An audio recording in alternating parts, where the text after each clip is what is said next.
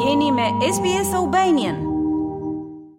Gjatë kësaj jave në Republikën e Maqedonisë së Veriut kanë ndodhur zhvillime si në aspektin politik ashtu edhe në rrafshin diplomatik. Duket një javë e qetë sa i përket zhvillimeve të fundit në Bashkimin Demokratik për Integrim pas konstituimit të organeve partiake dhe përgjegjësive të cilat janë dhënë në mbledhjen e kryesisë. E njëjta mbledhje do të vazhdojë edhe me nëntëmbëdhjetë nëntor, kur ministra të tjerë do të japin llogaridhënie, ndërkohë që lajme të jashtëzakonshme në kuadër të buxhetit për vitin dy mijë e njëzet e tre Janë mjetet e ndara për korridorin tetë dhe gjithashtu rreth një milion euro për spitalin e Kërçovës. Projekte kapitale të cilat do të përmbyllen dhe realizohen gjatë vitit që vjen.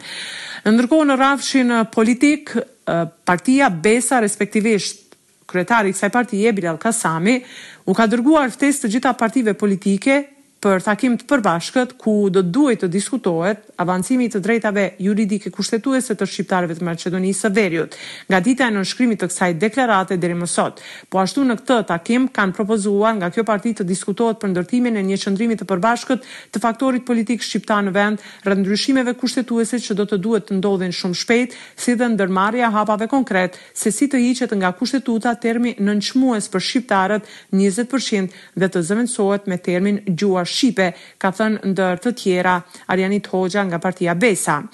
Kjo ka ardhur pas kërkesës së opozitës shqiptare që në kuadër të ndryshimeve kushtetuese të hiqet njëzet për qind që i referohet gjuhës shqipe. Por, kreu i Aleancës për Shqiptarët, Arben Taravari ka vlerësuar se duhet të ketë një komunikim më serioz mes partive shqiptare, të mos ulen ndaras sepse atëherë do të krijohet alibi dhe të akuzohen për platformën e dytë të Tiranës. Me këtë Taravari ka lënë të kuptohet se nuk do të merr pjesë në takimin e thirrur nga kreu i Lëvizjes Besa Bilall Kasami dhe ka konfirmuar se do të merr pjesë në takimin e ditës së hënë të ftuar nga kryeministri Dimitar Kovaçevski ku do të merr pjesë lideri Ali Ahmeti si dhe kryetari i Partisë Alternativa Afrim Gashi. Kreu i Aleancës për Shqiptarët, Arben Taravari ka thënë se me Lëvizjen Besa dhe gjitha partitë shqiptare jemi në komunikim të vazhdueshëm. Ideja të ulemi të komunikojmë t'i sillim vendimet së bashku është e mirëseardhur. Por me sa shoh të gjitha partitë janë pro asaj që e kemi thënë për njëzet për qind. Nuk duhet t'i japim askujt arsye që të thirret platforma e dytë e Tiranës, tha ndër të tjera Taravari. Për më tepër ndjekim deklaratën e tij. Do të shkojmë aty do t'i dëgjojmë para Çfarë është ideja, për çfarë bisedojmë? Natyrisht e kemi strategjinë tonë të negociimit, e kemi koordinu me grupin për organizimin e kongresit e ne, ajo është kryesia e përkohshme. Do ta shohim, në bazë të rrjedhës së bisedave se punohet aty do jenë prezent shumë parti politike. Rreth ndryshimit të termit njëzet për qind është shprehur edhe Kryetari i Grupit Parlamentar të Bashkimit Demokratik për Integrim, Arbër Ademi. Për më tepër ndjekim deklaratën e tij.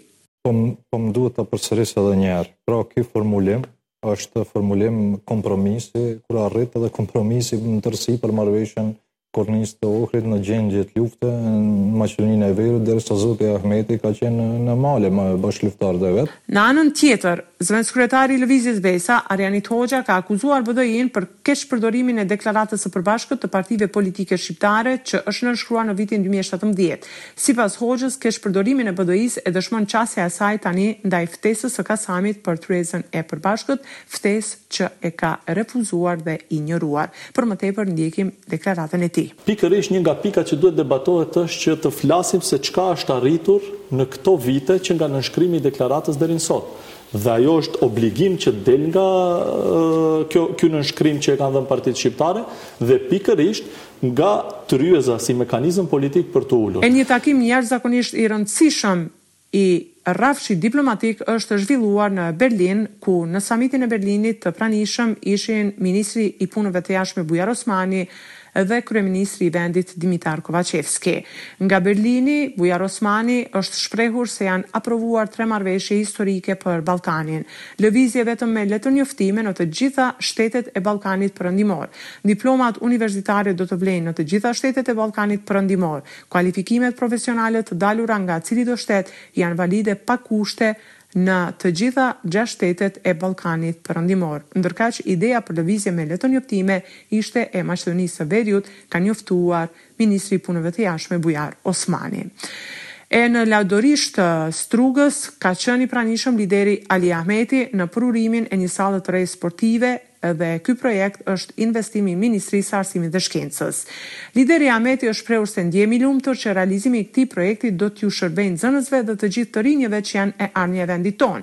Gjithnjë mirëqenia e gjeneratave të reja ka qenë pikësynimi jonë, kurse bashkëpunimi i të gjitha institucioneve ka sjellë produkte të frytshme për të ofruar kushte moderne për djemtë dhe vajzat tona, sepse për këto të mira punojmë dhe këtë fokus kemi. ka përfunduar lideri Ahmeti.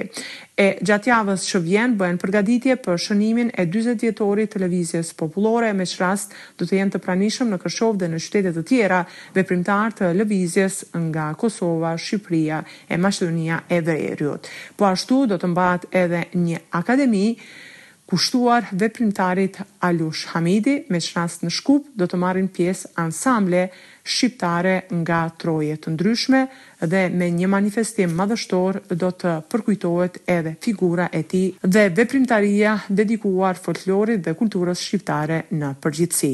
Për Radion SBS raporton nga Republika e Maqedonisë së Veriut, Besiana Mehmedi. Klikoni në like, ndani dhe komentoni SBS Albanian në Facebook.